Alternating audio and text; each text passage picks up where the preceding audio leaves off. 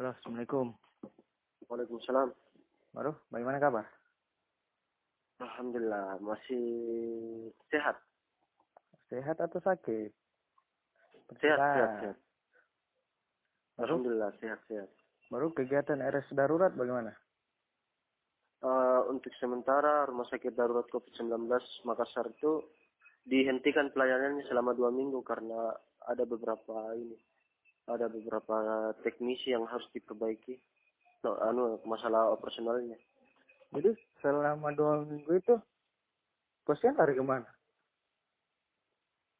Eh, jadi pas eh, kemarin dinyatakan eh, apa operasional eh, pelayanan operasional itu diliburkan, artinya eh, selama tiga hari setelah Lebaran itu pasien memang betul-betul kosong. Makanya dilihat juga kondisi eh, teman-teman juga yang terlibat sebagai relawan, eh, kondisinya juga eh, sementara menurun. Makanya untuk sementara diistirahatkan. Jadi pasien-pasien yang anu eh, apa yang mau berobat itu di dirujuk ke rumah sakit Sayang Bunda.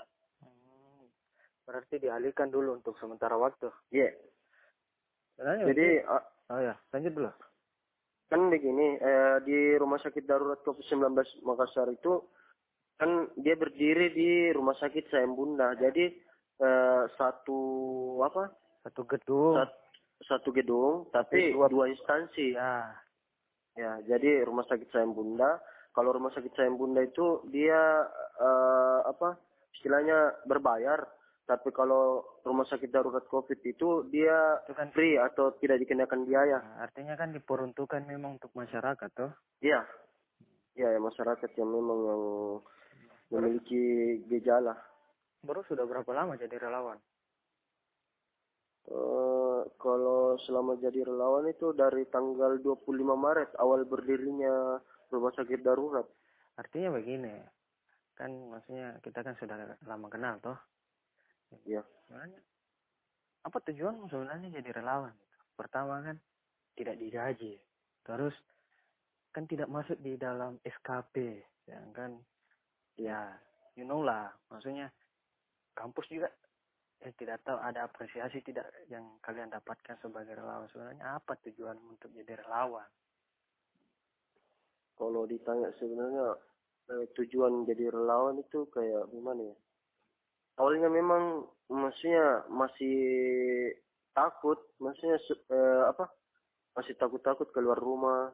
Tapi sebelum dari situ ada kebijakan dari Menteri Kesehatan, eh itu apa? Ada kebijakan dari Menteri Pendidikan dan Kebudayaan, eh, Pak Nadiem Makarim.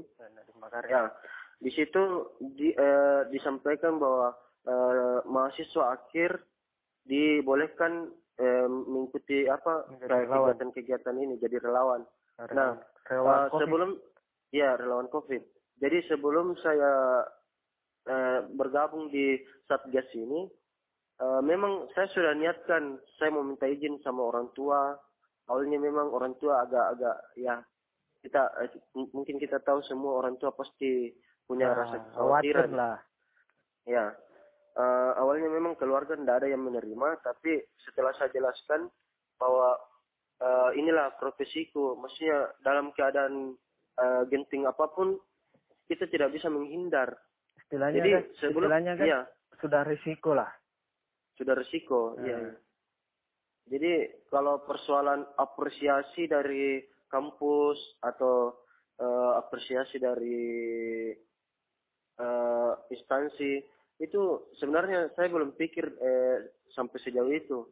Tapi eh, nda- kita eh, apa yang memiliki rasa kepedulian kepada masyarakat juga pasti hatinya kayak eh, bergetar begitu, Ya, artinya ada, kayak tenang. artinya relawan kan, ya setahu saya relawan itu kan bukan apa ya, panggilan jiwa lah istilahnya. Relawan kan panggilan Ya. jiwa, bukan karena uh, ada ini itunya baru mau jadi relawan, bukan artinya Ya betul, Ya. betul. ya saya kasih tambah nilai. Kalau kamu mau jadi relawan, artinya kan itu panggilan jiwa tuh. Ya. itu kembalikan ke diri masing-masing. Kadang kan ada yang relawan, saya bukan menjustif, menjas uh, semua relawan. Kadang kan ada relawan yang memang karena ya cuma istilahnya orang Makassar mau dibilang lah bahwa dia ikut serta. Uh, kadang Ya. juga ada relawan cuma datang selfie gitu, tapi yang saya lihat relawan-relawan di Makassar kan memang terjun langsung. Cuma ada, ya saya tidak tahu adakah atau tidak. Tapi yang Betul, seperti, tapi yang seperti begini, Dinda. Ya saya tahu saya kan harusnya kan Kowi sudah tahu lalu kan, harusnya kan Iya, iya. tidak tahun lalu. Apakah tidak berpengaruh ketika jadi relawan dengan kuliahmu pada saat ini? Kau kan semester akhir. Iya, iya. Apakah berpengaruh kah atau tidak? Eh, kalau dibilang berpengaruh ya berpeng memang berpengaruh sekali karena ada beberapa juga kayak konsul tugas akhir itu kan enggak eh, apa maksudnya eh, prioritasnya itu agak kurang lah eh, ke arah situ jadi yang di pikirannya kita bagaimana caranya supaya covid ini eh, rantai penyebarannya bisa dihentikan jadi maksud saya nah di sini tujuannya Hmm. awalnya saya bergabung jadi relawan, saya pikirnya apakah betul saya bisa terlibat di laboratorium sesuai dengan profesiku tak begitu. Nah, jadi pas eh, eh, saya dipanggil, eh, di situ saya mendaftar di rumah sakit darurat di satgasnya. Eh, saya katakan sama eh, ini PJ relawan, saya bilang apa pun yang bisa saya kerja di situ, selama saya bisa terlibat di satgas ini, saya akan kerja. Dan alhamdulillah eh, ada beberapa juga dari teman-teman yang ter- eh, khususnya eh, ATLN itu dia bilang eh, begini deh, eh, langsung saja masuk di laboratorium. Di situ nanti tugasmu sebagai supervisor. Jadi kayak eh, menginput data-data eh, untuk verifikasinya karena masih status mahasiswa, mahasiswa akhir dan mem- belum memiliki sertifikasi. Ya. Artinya belum belum bisa mengeluarkan hasil atau interpretasi hasil toh. Oh, Jadi, artinya iya. gini. Artinya sebenarnya tadi saya mau tanyakan itu artinya eh, relawan ini tetap mengikuti prosedur dan aturan-aturan yang sudah diterapkan oleh pemerintah kan. Contoh seperti kalau tidak ada STR jangan eh, Ya, melakukan betul. ses- yang di luar batas eh, Iya. Karena ini masalah masalah etika profesi. ya etika profesi. Oh, Betul betul kak. saya kira eh, selama ini relawan kerja ternyata oh artinya memang kalau tidak ada STR ya hanya sebatas pekerjanya yang tidak Iya. yang sebatas itu saja tidak boleh melampaui kan artinya Iya, kan betul. jangan sampai eh, kalian melakukan plebotomi contohnya kan kalian melakukan Iya. plebotomi sedang ada kesalahan fatal itu kan kalian tidak dilindungi undang-undang betul, kan? betul. terus Jadi eh, jadi memang sebenarnya begini kak. Eh, itu saya itu istilahnya kayak mahasiswa magang lah. ya Eh, bahasa anunya tuh. praktek Eh, praktek kerja lapangan lah Ya, praktek kerja lapangan. Jadi eh, setiap saya me- melakukan pengambilan eh, kayak misalnya plebotomi itu didampingi oleh pembimbing, istilahnya pembimbing tuh, tapi dia memang penanggung jawab laboratorium. Jadi penanggung jawab laboratoriumnya itu ada dua. Eh, satu memang yang sudah sertifikasi, kemudian yang satunya eh, dokter yang anu spesialis patologi klinik. oh ya Nah, jadi uh, untuk pengeluaran hasilnya sendiri saya itu eh, saya sampaikan ke pembimbing yang se- selaku pembimbing di Satgas. Eh, kalau kalau sudah ada perintah bilang oh ya sudah anu hasilnya, eh, saya minta tanda tangan ke mereka. Jadi sesuai dengan aturan eh, tiket profesi. Hmm, tapi ya oke lah. Kita sudah paham kan kode etik relawan apa yang cuma gini kita kan Betul, sudah Kak. lihat eh, ada hashtag kemarin Indonesia terserah kan? Indonesia Ya, terserah. Sampai beberapa tenaga medis ya saya agak kalau pandangan saya agak apa ya enggak u- maksudnya kita sebagai tenaga medis tidak usah lah cuma yang saya yakin tidak semua tenaga medis pasti membuat postingan itu karena, Ya, betul, karena itu akan melukai hati seorang relawan sama hati seorang tenaga medis sebagai tenaga medis. Tapi yang saya mau tanya ini kan, ah Dinda kan relawan sudah ya dari awal toh. Ya, betul. yang di Makassar saja, lihat bagaimana masyarakat yang masih banyak membangkang, maksudnya bagaimana perasaannya seorang relawan melihat yang seperti itu. Ya, kalau ditanya soal perasaan ya maksudnya eh ya kayak ya si- siapa eh, siapa saja jadi relawan pasti memiliki hati yang kayak istilahnya bergetar lah. Ya, Bilang kok bisa ya? Masih ada masyarakat yang masih keluar begini tidak mengikuti protokol. Padahal eh sebenarnya eh protokol eh, kesehatan itu demi kebaikan mereka juga. Nah, eh, nah untuk kita sebagai relawan yang memang bergabung di satgas itu tanpa digaji, hanya kayak istilahnya ada makanan yang dari donatur ya kita makan, kalau tidak ada ya eh, kita menggunakan dana pribadi. Jadi kalau misalnya eh, masyarakatnya masih membangkang ya, saya rasa eh, kurang kesadaran lah artinya kembalikan ke diri masing-masing kan. diri masing-masing ya betul kok. Hmm, Berarti masih banyak yang ya bukan masih banyak, hampir Iya kalau hampir iya hampir semua. kalau Ustadz Das eh, Das At Latif dia bilang eh, apa masyarakat itu tataleka. Kalau ya ma- namanya juga kadang gini bro, maksudnya eh kadang gini nah. Ah, sama halnya juga seperti gini, saya sedikit sharing ya. Sama halnya Ya. seperti ini yang kita sedang bicarakan kan. Ah, Iya, iya.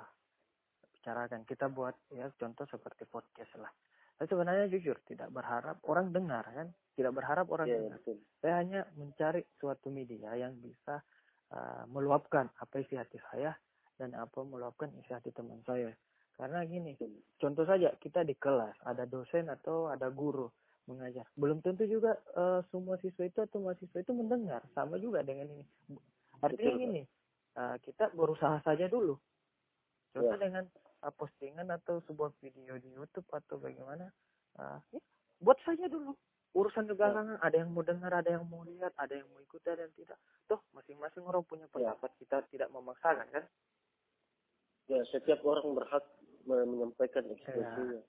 Artinya selama masih tidak melanggar tata akra, tata krama lah dan Ya betul. kalau menurut saya ya jangan sampai membahas yang membahas membahas berbau sara maksud saya gitu Ya betul betul. cuma beberapa memang ini yang saya lihat bahkan dalam keluarga saya juga masih lihat eh, berteriak saya tidak suka yang seperti gini yang contoh kasus ya kita lihat kasus Ferdian Paleka kemarin kan itu ber Oh ya. Mengatakan wah ih, tidak PSBB saya kan. Yang jadi pertanyaan saya apa yang mengkomen atau menjudge seseorang itu sudah melakukan PSBB tidak? Sudah di rumah tidak? Jangan sampai kita berteriak ih tidak PSBB begini. Sedangkan kita juga yang keluar nongkrong sama teman. Sama saya satu kasih contoh deh. ada salah satu mahasiswa di kampusmu Ya iya ya, betul betul. salah satu kampus di mahasiswa di kampus ya alma mater saya lah. Ya betul. tulis status kayak gini. Masyarakat tolong hargai tenaga medis. Eh besoknya saya lihat snapnya pergi buka puasa bersama sama temannya. Kan maksudnya jujur dalam jujur sampai saya buat tweet di twitter kampret kan? Dia menegur Ya, orang sedangkan kita sadar diri lebih baik kalau saya selama ini memang yang penting diam saja karena maksudnya jangan sampai kita menjilat ludah sendiri kan Iya betul betul. Itu kayak sama saja kayak eh, ciri-ciri orang munafik. ya Dia dia berbicara eh, di depan begini, eh, tapi sebetulnya dia berdusta. Dia sendiri yang melanggar. Tapi sebagai relawan, ini pertanyaan Ya. paling sensitif nih. Ya kan? Nah, Gitu. kan selama ini kan ada yang mengatakan COVID itu konspirasi. Kan? Ada betul. juga yang menyatakan COVID ini virus yang paling berbahaya kan. Cuma saya mau tanya sebagai relawan, bagaimana pendapatmu soal ini COVID? Apakah memang ada atau hanya eh, virus, tapi seperti yang kayak flu lah bisa menular tapi iya. bisa disembuhkan. Bagaimana menurut tadi Dah? Oh, gimana ya? Kalau itu memang kan eh, untuk kita sendiri yang di Indonesia juga itu menuai kontroversi kayak misalnya pro dan kontra.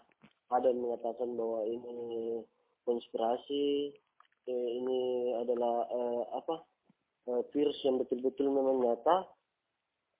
Cuma memang berukuran yang kecil. Uh, nah pandangan kalau sebagai relawan ya saya tidak peduli itu. Yang intinya bagaimana masyarakat bisa uh, terhindar dari virus ya masyarakat bisa bebas dari uh, ancaman dari pandemi ini ya itu paling tidak saya aplikasikan dulu uh, apa yang bisa saya kerjakan selama ini. Selama selama apa yang saya kerjakan itu uh, bermanfaat untuk orang-orang banyak. Begitulah. Oh ya jadi persoalan konspirasi atau bukan itu ya nanti nantilah kita uh, urus kembali setelah pandemi ini berakhir ya seperti ini. Kemarin kan uh, saya sempat lihat postinganmu. Huh? ya tentang ya, ada teman yang jadi relawan tapi mau pulang bawakan vitamin ke orang tuanya. Oh ya betul tapi betul tetangganya betul. menjas. Itu bagaimana ceritanya sebenarnya? Jadi awalnya begini enggak uh, itu kan uh, pada saat saya sudah bergabung di satgas awalnya memang saya lihat anak ini kayak bercanda dia bilang kak saya ini eh, kira-kira kalau saya bergabung itu saya bisa kerja apa ya? Karena statusku sekarang itu masih sem eh, anu masih semester 4. Sehingga kan yang diprioritaskan jadi relawan untuk sesuai memang jurusan kan mahasiswa akhir, tingkat akhir kan. Hmm. Uh, terus ini anak uh, minta bergabung. Saya bilang, bagaimana ya? Uh, nanti saya sampaikan dulu sama uh, koordinator relawan tuh di Satgas. Jadi awalnya itu sebelum sama eh, kasusnya sama juga kayak saya. Dia dia bergabung di relawan dia sudah sampaikan memang sama orang tuanya bahwa nah, uh, mak saya di sini saya bergabung di relawan dia bilang. Orang tuanya bilang jangan mina karena uh, banyak warga yang keberatan kalau misalnya kau bergabung jadi relawan artinya kau tidak bisa pulang ke rumah. Nah saya bilang uh, tapi susah juga, susah juga saya hindari karena ini me memang profesiku. Sekaligus saya juga belajar uh, maksudnya uh, sesuai kondisi sekarang kan sekalian juga sama dengan jurusannya. Artinya dia belajar dengan uh, jurusannya sendiri. Nah si orang tuanya ini keberatan juga. Awalnya memang keberatan tapi bukan karena anaknya bergabung tapi keberatannya sama warga yang memprotes bahwa uh, kalau misalnya anakmu bergabung di situ, itu tidak boleh pulang. Karena bahaya untuk anak-anak di sini, tak? Jadi si anak langsung berpikir, tak? Dia bilang, bagaimana ya? Jadi dia dia butuh pertimbangan di situ sama saya juga. Langsung saya tanyakan kembali. Bilang, ya bagaimana menurutmu? Kalau memang niatmu jadi relawan, ya kau pikir sendiri bagaimana caranya supaya kau bisa bergabung, tapi kau harus menerima juga uh, bahwa masyarakat Iya, konsekuensinya masyarakat masyarakat nggak bisa terima kau kalau pulang ke rumah. Jadi si anak langsung bilang, ah, itu tidak apa-apa minta. Saya juga sudah sampaikan ke orang tua uh, kalau saya memang betul-betul niat jadi relawan apa pun yang terjadi saya harus siap terima.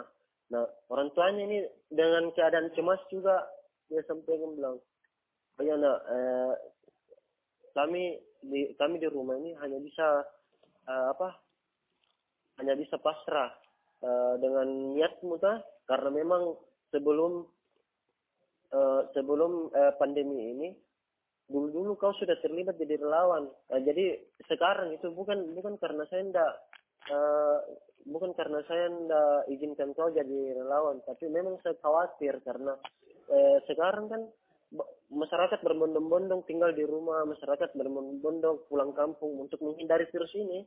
Justru kau Kenapa malah masuk di tengah-tengah virus, maksudnya di tengah-tengah ancaman? Nah, Syana langsung bilang, dia ceritakan ke saya. Jadi awalnya saya juga agak sedikit anu mengeluarkan air mata. Iya, kayak oh. maksudnya lihat, eh, besar betul lihat ini anak. Karena ada beberapa risiko yang harus dia terima tuh. Artinya, sama bergabung. Artinya gini, eh, menjadi relawan itu harus siap terima konsekuensinya kan semua. Iya, sure. Iya, begitu. Ketika saya membaca postinganmu itu, saya agak kesal, jujur agak kesal sedikit. Karena apa? Nah, kenapa orang, ya kita juga nggak bisa salahkan masyarakat. Masyarakat juga ya, betul, dalam betul. ketakutan. Tapi dalam konteks betul. ini juga, kita uh, sesalkan sikap masyarakat juga beberapa sebagian karena uh, takut artinya gini kalau semua masyarakat menolak untuk tetangganya dijadikan relawan jadi kalau nggak ada relawan siapa lagi yang mau mengobati kan? Ya betul pak. Cuma ya kembali lagi jadi kita memang kita nggak bisa salahkan masyarakat. Ya betul. Jadi yang yang pertama yang yang harus kita sesalkan di sini kak bukan persoalan masyarakat yang diterima begini begini bukan bukan seperti itu tapi yang kita sesalkan ini masalah stigmanya. Ya. stigmanya masyarakat yang mungkin kemungkinan dari pemerintah atau uh, masyarakat eh, tokoh-tokoh masyarakat yang ada di kompleks itu maksudnya yang paham kah? Yang paham uh, masalah virus penyebarannya bagaimana? Itu harus harusnya dia memberikan edukasi kepada masyarakat bahwa uh, jaraknya sekian begini begini itu tidak bakalan uh, menular. Uh, tapi perlu juga kita garis bawahi bahwa kita sebagai status ODP atau artinya kalau kita sudah Eh, betul-betul terlibat jadi relawan artinya kan ODP kita harus tahu diri juga lah. Maksudnya uh, kita tidak bisa pastikan bahwa hari ini kita bebas dari virus begini-begini. Nah yang ditakutkan ini uh, jangan sampai kau kembali ke rumah kau malah menjadi carrier untuk masyarakat. Maksudnya yang di kompleks itu memang aman cuma gara-gara kau pulang ke rumah artinya masyarakat juga kena berarti dia yang menjadi host lah. Iya. Jadi paling tidak kita saling menjaga lah. Untuk masalah uh, apa masyarakat saya bilang tidak terima dia pulang ke rumah itu memang agak disesalkan. Cuma ya tidak bisa juga dijadikan alasan untuk uh, masyarakat yang kurang edukasi. Cuma uh, memang kita juga harus tahu diri bagaimana caranya supaya kita bisa menjaga masyarakat. Karena sama saja begini kak. Maksudnya begini uh, kita ini bergabung jadi relawan untuk uh, apa uh, terlibat sebagai ini kayak tugas-tugas dalam kemanusiaan begitulah. Nah, kita membantu orang lain sementara yang di sekeliling kita ini kita ancam, maksudnya kita ancamnya itu bukan secara langsung tapi kita ancamnya itu istilahnya kita dari rumah sakit kita berhadapan dengan pasien atau kita ada kontak dengan pasien yang positif, terus kita kembali ke rumah, itu kan masyarakatnya terancam. Jadi serba salah, deh. Jadi serba salah juga. Ya paling tidak, yang paling bagus itu, yang solusinya kan, harusnya pihak dari rumah sakit memang menyiapkan uh, tempat khusus. Sebenarnya uh, setelah bertugas, si relawan ini langsung masuk di ruangannya tanpa uh, ada tetangga begitu apakah supaya sebenarnya tidak ada tidak ada ancaman untuk masyarakat masyarakat di luar sana lah. Hmm, berarti kayak contohnya ya yang kau maksud kayak wisma atlet gitu. Ya. Keluar keluar dari ruangan masuk kamar sendiri sendiri. Ya masuk kamar dari sendiri ya, masuk kamar sendiri sendiri. Ini, ini terakhir ini. Ini kan eh, saya tidak salahkan pemerintah, maksudnya kita nggak bisa saling menyalahkan pemerintah juga sudah berusaha kan? Iya betul betul. juga sudah berusaha. Cuma yang ini kan saya nggak tahu Juni ini sudah mulai diterapkan new normal atau tidak. Tapi kalau menurut pandangan saya new normal itu kan istilahnya kembalikan lagi ke alam kan? Ya, ya. yang kuat yang bertahan. Yang lemah ya, betul, betul. mati kan? Sebenarnya kalau menurut saya konsep new normal itu sebenarnya sudah dari dulu kita terapkan contoh saja TB yeah. TB kita kasih contoh TB kan? Kalau pandangan TB TB kan TB, penyakit menular. HIV maksudnya yang bisa menular melalui udara lah. Udara udara ya TB kan? Contoh kecil yeah, TB itu kan sebenarnya kalau kita orang tahu TB kan kita disuruh pakai masker. Sama juga dengan corona jadi artinya kalau dibilang konsep new normal ini konsep baru sebenarnya kalau menurut saya sebenarnya sudah banyak orang yang sudah menerapkan sebenarnya ada beberapa teman-teman saya dulu ya kalau habis uh, apa megang sesuatu ya cuci tangan. Ada juga yang memang sudah menyiapkan dulu kan zaman zamannya waktu belum uh, laku hand sanitizer kan dulu apa ya namanya tuh yang kecil-kecil antis ke apa? Antis antis ya, antiseptik antis. kan dulu ya cuma beberapa orang yang pakai. Kadang dulu orang pakai antis dibilang ah alay. Alay ya. sekarang apa? Antis dulu yang harganya tiga masyarakat berbondong-bondong penimbunan masker juga ya kita, kita tidak bisa salahkan juga. Orang semua mau bertahan hidup lah. Iya betul betul. Jadi intinya kita tidak boleh saling menyalahkan masalah covid. Ya kita harus saling apa? Bahu membahu lah tolong menolong. Ya, kalau menurut saya salah lah. Kalau dikatakan tenaga medis itu garda terdepan. Terus sebenarnya kita garda terbelakang.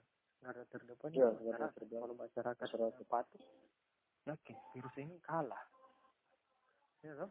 Betul betul ya, cuma ya kita kembalikan lagi. Ya kita kembalikan ke apa istilahnya kita harus saling kerjasama lah. Ya. masyarakat menjaga ya tenaga medis juga. Kalau misalnya kan istilahnya kalau kita anunya di satgas itu bahasanya di sini dia uh, covid 19 eh, anunya ta uh, kayak jal-jalnya begitu. Kalau misalnya begini covid 19 lawan lawan lawan tiga tiga tiga Bismillah Allahu Akbar nah subhanallah. ya nah yang pertama begini kan awalnya kan uh, di situ kita lawan lawan lawan tak nah, setelah kita tidak berhasil lawan ya paling tidak ada pencegahan. Ya maksudnya uh, masyarakat yang sudah terlanjur eh, yang sudah terlanjur kena ya kita ini lagi. Kita cegah bagaimana supaya masyarakat lain tidak tidak jadi korban juga uh, paling tidak uh, tenaga medis nanti berperan pada saat ada yang terpapar. Jadi yang betul yang tadi di, disampaikan oleh kita kak, maksudnya begini. Artinya eh, tenaga medis bukan bukan eh, apa? Bukan cuma tenaga tenaga medis yang jadi garda terdepan, tapi kita semua dari kerjasamanya kita itu itulah itulah bagian dari eh, garda terdepan. Hmm. Tapi kan banyak yang bilang selalu bilang ah biarkan tenaga medis yang ngurus itu semua. Nanti kalau kita yang penting kita sudah begini begini. Ya tidak bisa juga dianukan kalau kita serahkan semua ke tenaga medis. Ya paling tidak ada kerjasama lah di luar kan? Artinya ya, kita mendengarkan aturan dari pemerintah. Aturan dari pemerintah kan bukan asal dikeluarkan. Itu kan melalui pengkajian. Pengkajian yang memang betul-betul matang. Iya. setelah dikeluarkan kebijakannya artinya Jadi, kita tidak bisa salahkan pemerintah. Artinya gini artinya gini kita uh, apa kembali ke diri masing-masing. Uh, jangan Ya. sampai uh, setidaknya kita sudah berusaha uh, memberitahu memberi edukasi kalaupun memang tidak mendengarkan ya sudah. Sebenarnya kita Ya. tetap berusaha. Sama juga kayak gini orang bertanya kadang orang yang lebih apa orang yang baru tahu kadang merasa lebih paham padahal baru tahu. Ya selalu mengatakan apa yang harus kita lakukan, eh, apa yang harus kita bikin supaya begini. Sebenarnya dia sudah tahu apa yang harus dilakukan tanpa bertanya. Ya. Sebenarnya tinggal dilakukan. betul Dan, dan itu yang perlu disadari oleh masyarakat. Nah, tapi Betul kan eh, ada juga beberapa yang maksudnya yang harus kita anukan kan kayak contohnya tadi kita hanya bisa memberitahu begini begini Ya, biarkan eh, maksudnya tapi kita bisa memaksakan siapa tahu ada ada apa maksudnya memang mendesak ya itu juga kita tidak bisa larang mau harus mengikuti ini, ya urusan ekonomi eh, atau atau masalah perut itu kan ya, susah juga itu yang harus dipertimbangkan oh iya. Oke. Eh, makasih infonya Dinda. Siapa tahu nanti kita bisa bertemu di Makassar, noh. Insya Allah. Eh, mudah-mudahan Mudah-mudahan pandemi ini segera berakhir. Ya, soalnya kopi sudah menunggu di kampus itu. Siap. Ya, oke oke. Makasih Dinda waktunya. Oke, assalamualaikum. Waalaikumsalam warahmatullahi wabarakatuh.